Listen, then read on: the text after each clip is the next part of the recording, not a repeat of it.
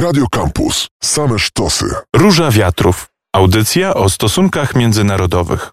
Przy mikrofonie Marcin Łuniewski, a moim i waszym gościem doktor habilitowany Michał Lubina, ekspert do spraw Birmy, szerzej Azji i relacji chińsko-rosyjskich z Instytutu Bliskiego i Dalekiego Wschodu Uniwersytetu Jagiellońskiego. Witam cię serdecznie, Michale. Nową głową państwa zostanie syn byłego dyktatora Ferdynanda Marcosa juniora, mm, junior, przepraszam, ojciec oczywiście Ferdynand Marcos. On pokonał swoją główną rywalkę, czyli Leni mm, Robredo, Robredo która była wiceprezydentką przy charyzmatycznym, ale też budzącym ogromne kontrowersje Rodrigo Duterte, który to kończy swoją kadencję oraz innymi pokonał syn dyktatora mm, Maniego Pacquiao, czyli mistrza bokserskiego, mm, światowej sławy. On również próbował swoich sił w tych wyborach. To na początku naszej rozmowy, żeby wprowadzić też mm, e, słuchaczy w, w, w, sytuację na Filipinach, ale też w, czym była dyktatura ojca Ferdynanda Macrosa juniora, no to właśnie powiedzmy słów kilka, jak wyglądały te rządy seniora w latach 65-86. Tyle lat rządził Filipinami, aż w końcu w wyniku protestów uciekł z kraju. Amerykanie mu pomogli uciec i zmarł na Hawajach w Niesławie? No to mo, mo, zacząłbym od tego, że Filipiny to jest kraj kultury macho, e, więc e, niech wolno mi będzie tutaj sparafrazować Leszka Millera. Stary Marcos dobrze zaczął, a źle skończył. Nie wiem, czy to czyni go prawdziwym mężczyzną, czy nie, natomiast takiego prawdziwego mężczyznę bardzo wyraźnie grał. To jest ważny element takiego pozycjonowania się polityków filipińskich. Wspomniany e, Pacquiao też tak działa, Duterte tak działa, ten element macho jest tu bardzo istotny, więc, więc i w ten sposób również działał Marcos. No ale właśnie za, zaczął dobrze. Pierwsza jego kadencja 65-69 całkiem niezła, wzrost gospodarczy. Druga kadencja już gorsza. Kiedy kończyła się ta kadencja a tam wtedy było, był limit dwóch kadencji, obecnie jest limit jednej kadencji, nawiasem mówiąc, to jest właśnie efekt rządów Marcosa, wprowadzili kadencyjność, jedną, no ale w, jak się kończyła mu druga kadencja, to wprowadził stan wyjątkowy pod sfingowanymi w dużej mierze pretekstami i przedłużył sobie rządy o 9 lat, potem sfałszował jeszcze jedne wybory i próbował sfałszować jeszcze kolejne, ale już mu się nie udało, bo go obaliła rewolucja. I e, tak, z jednej strony na część rzeczy w swoich rządach Marcos Starszy nie miał wpływu. Na przykład nie miał wpływu na kryzys paliwowy w latach 70., który podniósł mocno ceny benzyny, mm, inflację spowodował. Nie miał wpływu na to, że z kolei spadły ceny na przykład cukru czy, czy, czy kokosów, e, uderzając w rolnictwo filipińskie. E, więc no, w pewnym sensie to, to, to, to, nie była jego wina, ale jakby gdzie mógł zepsuć, tam zepsuł, dlatego że w przeciwieństwie do innych prezydentów, no może tak, był podobny do innych prezydentów, jeśli chodzi o, o zagarnianie władzy dla siebie i, i wspieranie swojego klanu. O tych klanach może za chwilę będziemy mogli porozmawiać. Natomiast odróżniał się skalą kradzieży majątku narodowego, to znaczy nikt przed nim ani pod nim, po nim tyle nie nakradł. Według różnych szacunków to było od, od 10 do 13 miliardów dolarów, ale to wszystko jest, to są wszystko szacunki takie dosyć ostrożne, no i też trudno tutaj jakąś metodologię dokładną. No w każdym razie później była taka komisja rządowa, która starała się odzyskać część, część tych majątków. To nie było łatwe, bo to, e, bo to e, a to banki szwajcarskie, a to Kajmany, a to na przykład udziały w browarze San Miguel. Każdy, kto był w Azji, to zna ten browar, bo to jest jeden z najsłynniejszych tutaj e, produktów eksportowych Filipin. Albo suknia jego żony, dodam tak też jest. barwna postać Imelda Marcos żyjąca do dzisiaj. Imelda Marcos i jej buty, ona sławna z butów, a, a, a także z kilku e, takich bardzo głębokich myśli. Na przykład jedną taką jej głęboką myślą jest to, że mężczyźni są silni, a kobiety piękne. To jest tak, wzbogaciła myśl ludzką tym aforyzmem. E, no i ona zawsze uważała, że musi być piękna i podobno nigdy nie jednej pary butów dwa razy nie nosiła. Także, także miała tam po tyś, ty, tysiąc ponad tych, tych par. No i mówiła, że to jest dla ludu wszystko wszystko. To jest inspiracja dla ludu, dlatego że jak lud patrzy na tych swoich władców, to oni muszą być niczym gwiazdy rozświetlające mrok nocy. No i ona no, no nie chce, ale Też musi, no, musi być piękne, no musi być piękne. Także, także no, no ciężkie brzemię tej prezydentowej ona dźwigała. No ten jej mąż tam jej trochę dokładał ciężarów, bo tam było kilka kochanek, kilka nieślubnych dzieci, no takie tam były pewne szczegóły psujące ten obraz idealnej familii, no ale jednak buty, buty tutaj wynagradzały Markosowej. Zresztą nie, nie tylko buty, ona też powiedziała takie zdanie, że, że później, jak wspominała, ten traumatyczny dla niej moment, kiedy musieli uciekać z Pałacu Prezydenckiego i tam wpadł tłum ludzi w tym 86 roku.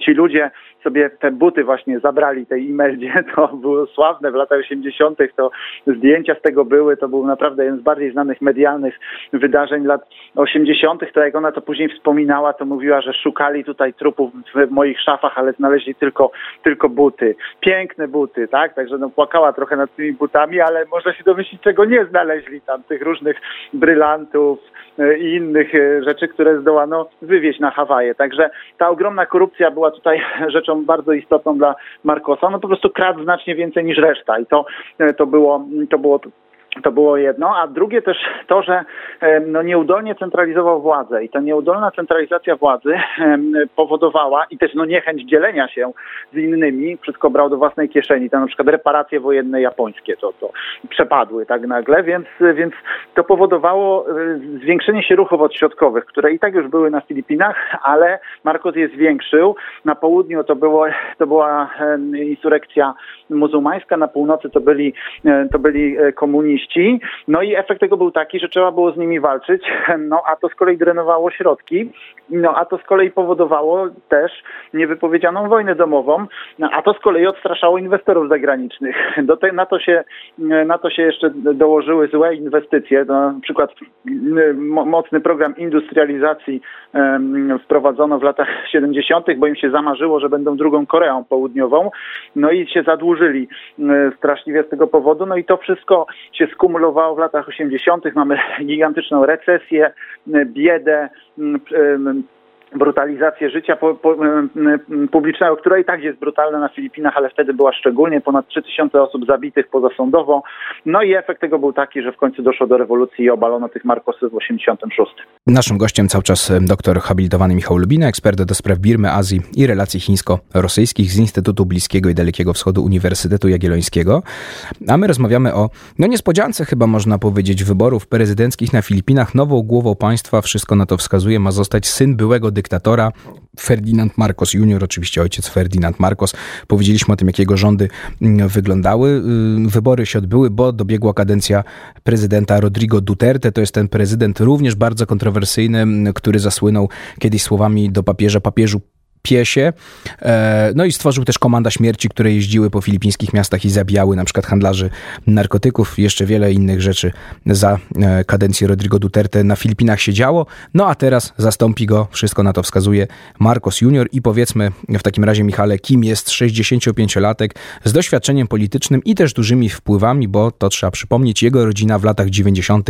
powróciła do na Filipiny. No i jest wpływową i, i, bogatą rodziną, oczywiście z tych pieniędzy, które wcześniej zrabowano.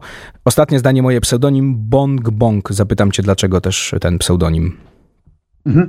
To przede wszystkim Marcos Junior jest synem Marcosa Seniora. To jest no jakby, tak.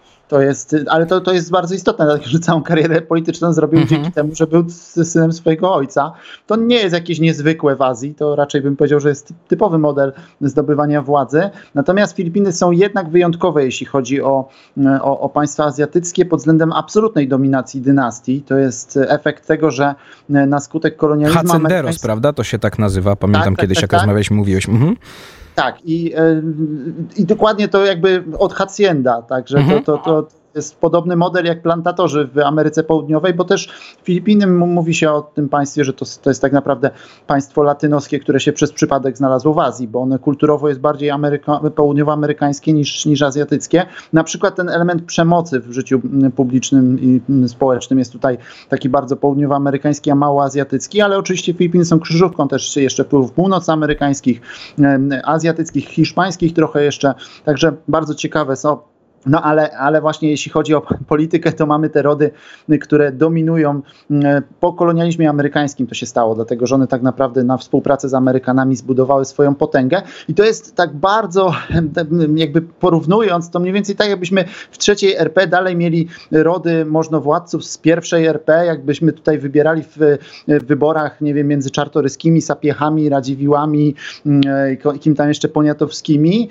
albo ludźmi przez, nimi, przez nich wskazanymi. Tylko tylko i wyłącznie. No i w przypadku Markosów, no to to jest taka późniejsza dynastia, bo oni byli, e, oni nie byli wśród tych starsz, starych rodów, oto nawiasem mówiąc też był ten konflikt między nimi. E, oni są raczej rodem noworyszy, ale no, jak już powiedzieliśmy wcześniej, trochę tych pieniędzy nakradli i stworzyli własne, własną, własną dynastię. No i syn jest przede wszystkim kontynuatorem dzieła ojca, no i czyli budowania własnej dynastii. On jest bardzo silna Ilocos Norte, to jest północna prowincja Luzonu, czyli stołecznej e, wyspy Filipin. No i, ten, no i to jest ich bastion. Ja pamiętam, że tam byłem w 2010 roku, oglądałem ówczesne mauzoleum Marcosa. To, to, to było naprawdę bardzo ciekawe doświadczenie. Wszyscy tam go popierali, pomimo tego, że władza wtedy spoczywała w rękach przeciwników Marcosa. No a teraz mamy odrodzenie. No i to odrodzenie oczywiście szło stopniowo w latach 90. Y, pozwolono wrócić rodzinie Markosa, no bo on już nie żył, no to, to jakby podstawowy problem się rozwiązał. Y, Imelda została kongresmenką, y, a następnie syn poszedł w jej ślady. Najpierw został gubernatorem tej prowincji, a potem senatorem. Potem z kolei startował o, na wiceprezydenta i przegrał minimalnie.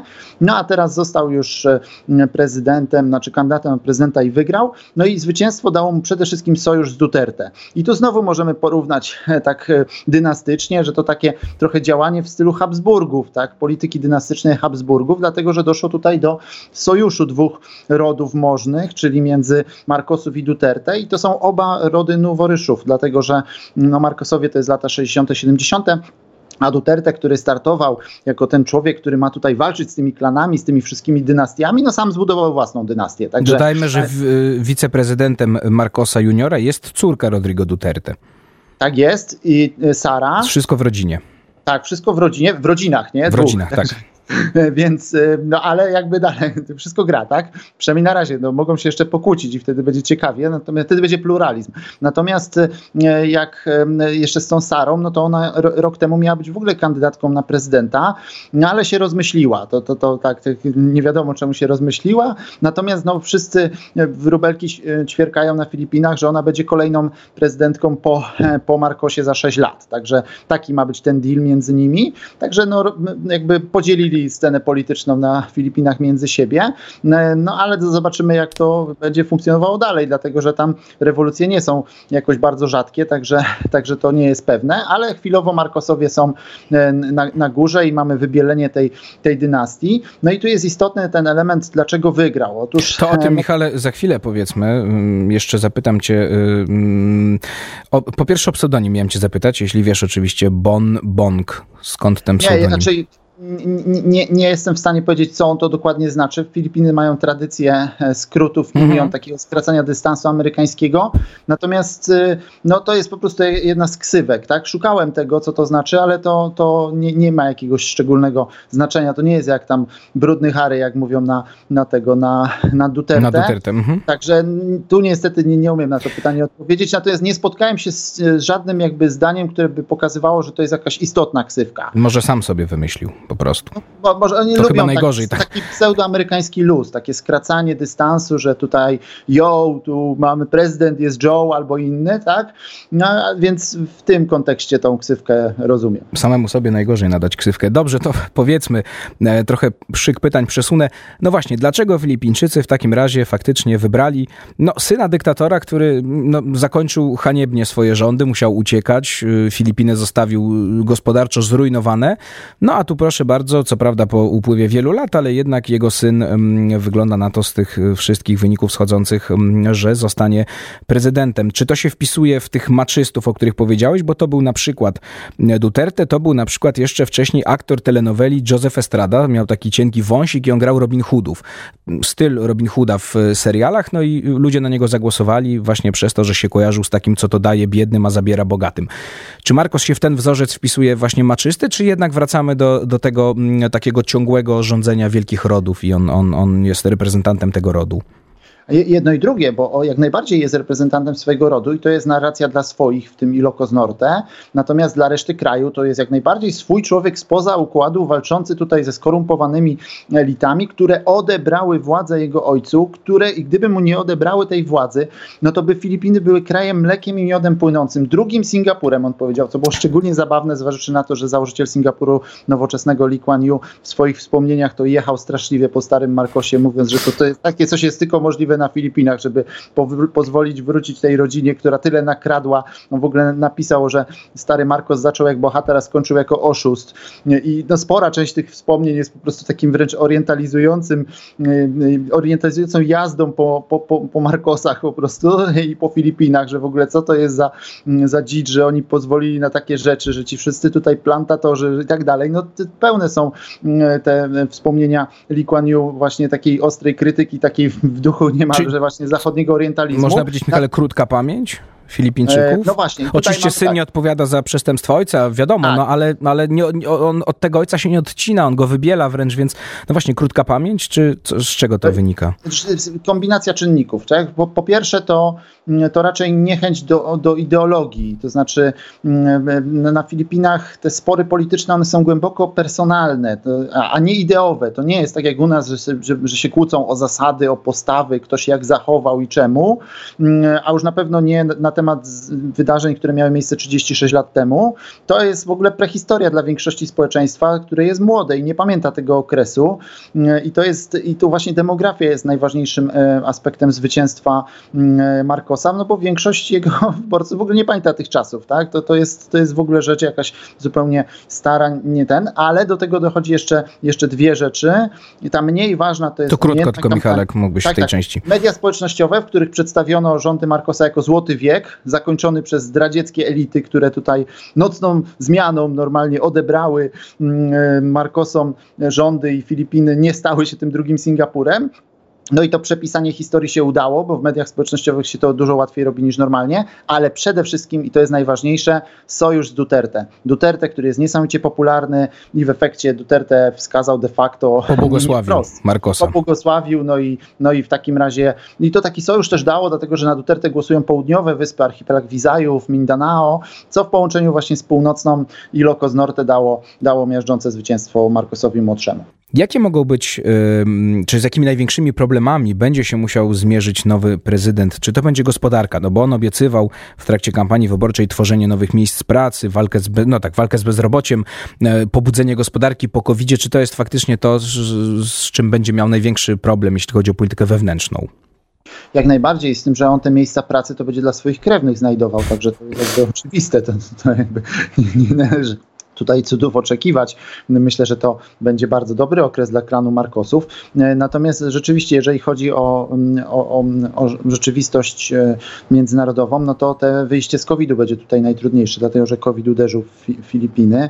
No i, i ten jakby to, ten powrót do, do, do tego modelu rozwoju, który Filipiny w pewnym sensie kopiowały po innych państwach azjatyckich, a mianowicie tania siła robocza, przyciąganie w ten sposób kapitału, a a też sporo było, spora, od sporo odsetek, to nawiasem mówiąc jeszcze od, od starego Markosa się to zaczęło, sporo odsetek PKB to są transfery od gazarbajterów filipińskich, najczęściej Filipinek. To mhm kobiety przede wszystkim. Filipiny są państwem, którym no, naprawdę sporo, spora część populacji mieszka za, za granicą i wysyła pieniądze do, do kraju, więc, więc zasadniczo to te wszystkie elementy COVID tutaj popsuł, więc, no, więc to, ten powrót do tej rzeczywistości przedcovidowej będzie tu największym wyzwaniem. No i pod względem polityki gospodarczej nie spodziewam się większych różnic. Tak naprawdę te dynastie, one nie różnią się jakąś wielkimi, wielką, wielkimi zmianami w polityce gospodarczej, podobnie jak nawiasem mówiąc zagranicznej zagranicznej. No, one się różnią jak najbardziej personaliami tym, kto, kto rządzi i kogo akurat prześladuje i z kim się tam kłóci, to jak najbardziej. Natomiast jeżeli chodzi o politykę, to ona jest, ona jest gospodarcza, ona jest dość stała. To, to tutaj nie spodziewam się wielkich zmian. Chociaż oczywiście zawsze może, może nas negatywnie zaskoczyć. No Duterte strzelał do przestępców na przykład, więc to było tak, jakieś tam tak. zaskoczenie. A jakie mogą być jego rządy, jeśli mówimy o polityce zagranicznej? No, czy większość ekspertów zauważa, że to będzie najpewniej kontynuacja polityki Duterte? Już powiedzieliśmy, że jego wiceprezydentką jest zresztą córka obecnego jeszcze prezydenta. No i to będzie takie balansowanie między Stanami Zjednoczonymi a Chinami, które może być, biorąc pod uwagę zaostrzające się w, w, na Pacyfiku czy w Azji w ogóle relacje obu tych krajów, no, może być coraz trudniejsze, ale że to będzie próba właśnie kontynuowania tego, co robił Duterte. Myślę, że tak, z tym, że pamiętajmy jeszcze, że z Duterte tu bardzo ważne było to, że on miał początkowo duże nadzieje odnośnie Chin, no ale te nadzieje się w sumie nie spełniły. To znaczy Chiny jak najbardziej chętnie brały, natomiast nie dawały za wiele w zamian. To znaczy oczywiście nie krytykowały Duterte za e, zabijanie bezbronnych ludzi, bo to, nie, bo to po pierwsze nie Chińczycy ginęli, a po drugie to, to nie jest kwestia chińska, to, to im nie no przeszkadza. Tak, to ich nie interesuje. No, no gdyby Chińczycy ginęli, to No tak, ich, oczywiście. No, no, tak, no ale to ginęli Filipińczycy, więc to jakby ich sprawa, wewnętrzna kwestia.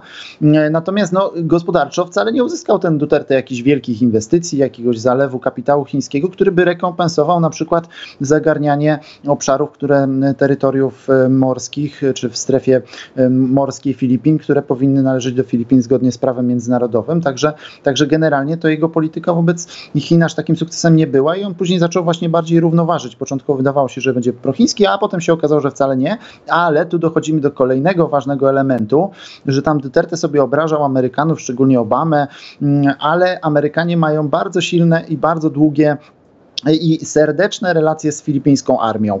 I to jest pewna stała w polityce zagranicznej wewnętrznej filipińskiej i ona zmusza e, każdego prezydenta Filipin, kimkolwiek by nie był, z którejkolwiek dynastii by nie był, no żeby jednak całkiem tak e, te, te, nie zrywał tych relacji ze Stanami, dlatego że no, może zostać obalony, tak? albo przynajmniej może mu się mocno skomplikować rządy. No i tutaj będzie podobnie, to znaczy, mm, to znaczy Amerykanie mając e, bardzo dobre relacje z generałami filipińskimi, no, no nie dopuszczą do jakichś wielkich tutaj prochińskich zwrotów Marcosa. Oczywiście retorycznie tam pewnie mogą być jakieś elementy wspólne, natomiast, natomiast no, nie spodziewałbym się tutaj mm, jakby jakichś wielkich tych, jakichś wielkich volt. Na, na pewno będzie jakaś próba balansowania, ale bym powiedział, że no, jakby interesy bezpieczeństwa przede wszystkim przyciągają Filipiny do Stanów Zjednoczonych. No, Michale, i tutaj dosłownie 30-sekundowe y, odpowiedź, proszę cię. Czy, jak myślisz oczywiście, bo nie chcę, żebyśmy wróżyli, bo przecież różne rzeczy mogą się wydarzyć, ale czy Marcosa, czy rządy Marcosa no, mogą zmierzać jeszcze bardziej w stronę autorytaryzmu, bo i Duterte miał takie zacięcia, ale czy gdzieś ta ciągoty po ojcu, że tak powiem, Marcosa juniora mogą, mogą spowodować, że, że będzie próbował tą demokrację gdzieś tam mm, ograniczyć i zwiększyć swoje wpływy, czy, czy raczej nie, bo właśnie Filipińczycy mogą się zbuntować, tak jak powiedziałeś, że mają to mm, przećwiczone. Ja myślę, że może próbować, natomiast no już Duterte tak naprawdę zrobił z tej demokracji tylko i wyłącznie pokazówkę. Mhm de facto autorytaryzm miękki. No a ponieważ jednak Sara Duterte ma być tym nowym prezydentem, więc myślę, że tutaj Marcos no, nie będzie szarżował za bardzo. Myślę, że to byłby przykład. Jakby tu doszło do jakiegoś konfliktu między tymi dwoma dynastiami, wtedy moglibyśmy, wtedy mogłoby być ciekawie politycznie. Natomiast wydaje mi się, że bardziej prawdopodobne jest to, że, że będzie tak, jak się umówili, że ta Sara zostanie prezydentką e, i wszystko zostanie w rodzinach. Kropkę stawiamy. Doktor Michał Lubina, habilitowany doktor Michał Lubina, ekspert do spraw Birmy, Azji, szerzej też no, szerzej Azji, relacji chińsko-rosyjskich z Instytutu Bliskiego i Dalekiego Wschodu Uniwersytetu Jagiellońskiego. Był moim i waszym gościem. Michale, bardzo ci dziękuję za rozmowę. Dziękuję. To była Róża Wiatrów. Za tydzień się słyszymy. Ja się nazywam Marcin Uniewski. Radio Campus. Same sztosy.